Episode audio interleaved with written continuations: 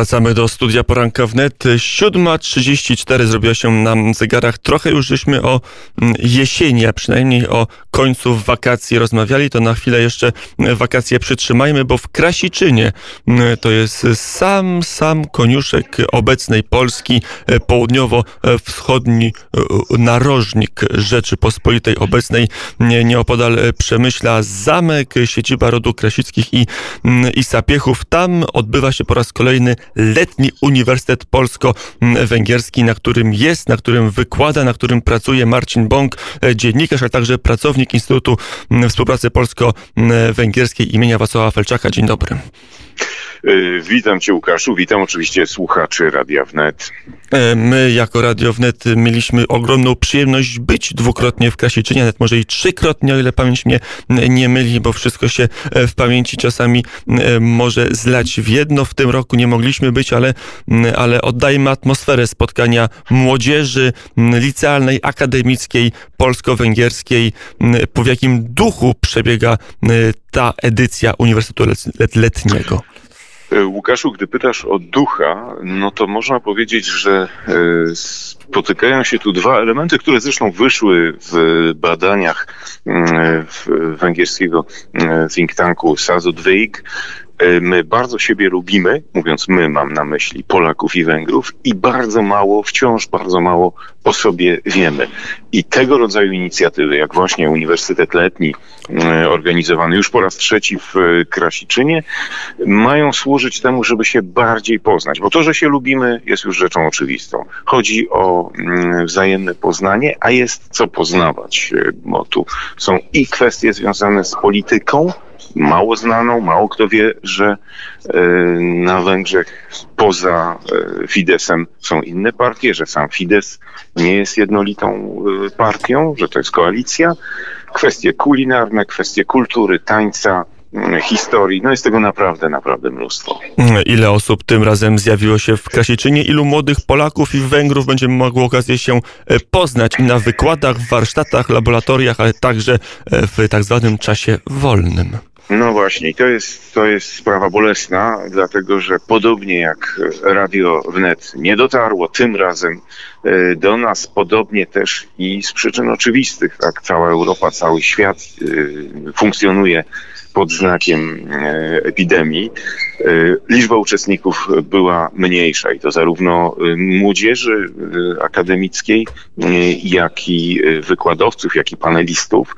E, względy bezpieczeństwa, tak? Względy bezpieczeństwa, względy sanitarne, e, rozproszenie uczestników, e, tak żeby zachować te wszystkie zasady bezpieczeństwa, powodują, że jest nas po prostu mniej samych studentów, samej młodzieży z obu państw jest, o ile dobrze pamiętam, około 200 osób, czyli zdecydowanie mniej niż w poprzedniej edycji.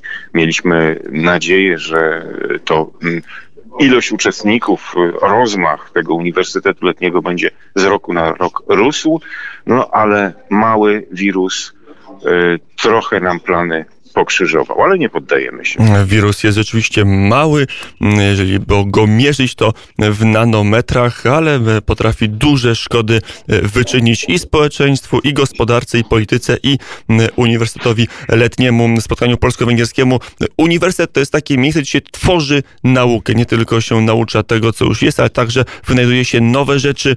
Jaką nową wiedzę udało się tym razem w Krasiczynie odkryć? E, taki duch, który czuwa nad tą edycją mm, Uniwersytetu Letniego, to jest duch bezpieczeństwa. I zastanawiamy się tutaj nad różnymi aspektami mm, słowa bezpieczeństwo, poczynając od e, kwestii politycznych. E, tytuł jednego z paneli, który miałem zresztą przyjemność prowadzić, czy parlament daje nam poczucie bezpieczeństwa? Tak? Czy system parlamentarny jest e, gwarantem bezpieczeństwa szeroko rozumianego?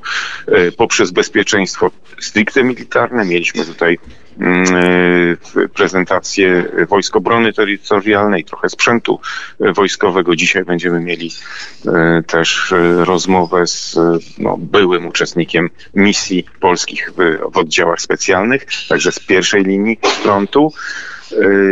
szeroko rozumiane bezpieczeństwo, także bezpieczeństwo związane na przykład z siecią. Tak? Treści, które możemy znaleźć w sieci mm, komputerowej, czy stanowią dla nas zagrożenie, czy nie, jak się przed tym bronić. E, więc to poczucie bezpieczeństwa, jak jest rozumiane, bardzo ciekawa rzecz, że uczestnicy, mm, czyli studenci, e, mają tu sporo do powiedzenia. Niektóre ich wypowiedzi zmuszają doświadczonych e, polityków, naukowców do przemyślenia na nowo pewnych, pewnych swoich mm, dotychczasowych sądów, chociażby właśnie w kwestii bezpieczeństwa komunikacyjnego w kwestia bezpieczeństwa, to pierwsze, co się kojarzy obecnie w Polsce, e, kwestia Białorusi, czy tutaj na przykład jest e, wspólny pogląd e, polskiej i węgierskiej młodzieży akademickiej, czy młodzi Polacy i Węgrzy wspólnie mają wspólną mapę zagrożeń i szans w świecie politycznym? No i tutaj dotykamy y, bardzo ważnego tematu, który jak na pewno Łukaszu pamiętasz z poprzednich y, spotkań pod egidą Instytutu Felczaka, bo też przecież miałeś y, przyjemność uczestniczyć w tych przedsięwzięciach. Y, postrzeganie y, Europy geopolitycznych y, wektorów jest trochę inne w Polsce, trochę inne na Węgrzech.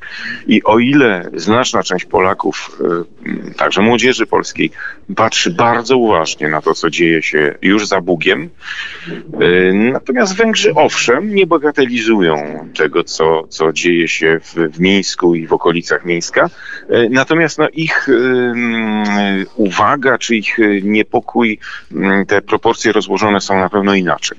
No to jest, to jest zrozumiałe. Inne doświadczenia historyczne, inna pamięć zbiorowa mm, narodowa y, powoduje, że no, patrzymy na pewne sprawy trochę inaczej.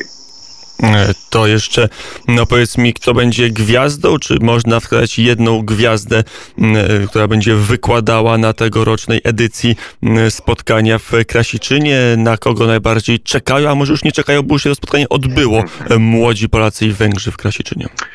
No, staramy się tak konstruować te spotkania, żeby gwiazdą byli, zbiorową gwiazdą, byli ci młodzi uczestnicy, ci studenci.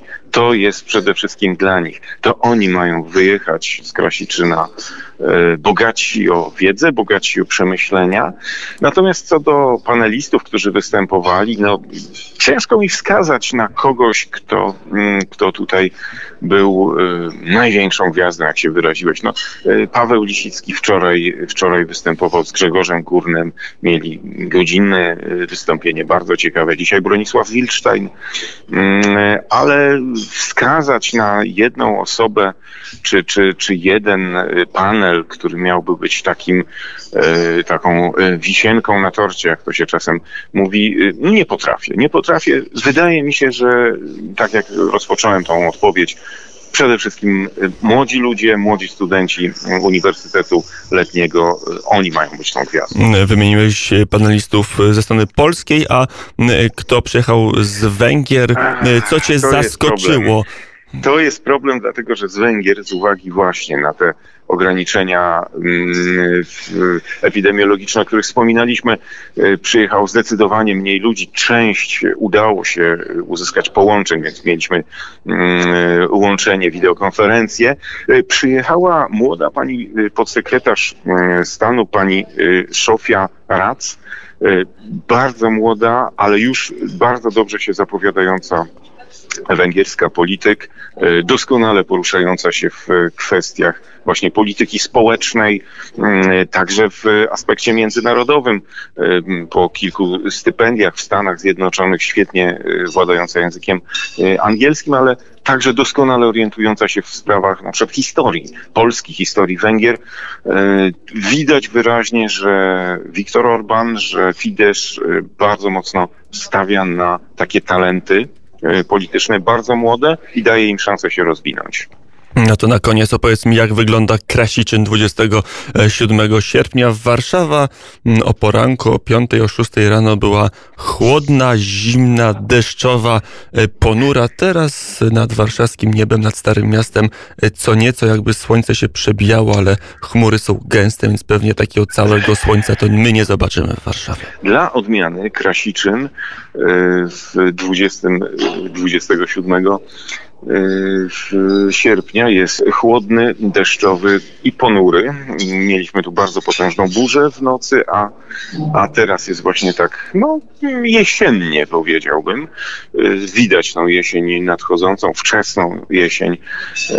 Jest tutaj właściwie zaczyna się pogórze przemyskie, to są bardzo piękne rejony. Namawiam w ogóle Państwa do, do odwiedzenia tej części Polski. Naprawdę piękny kawałek naszego kraju zwłaszcza jesienią. A pogoda, no cóż, jakby nie padało, to byśmy narzekali na suszę.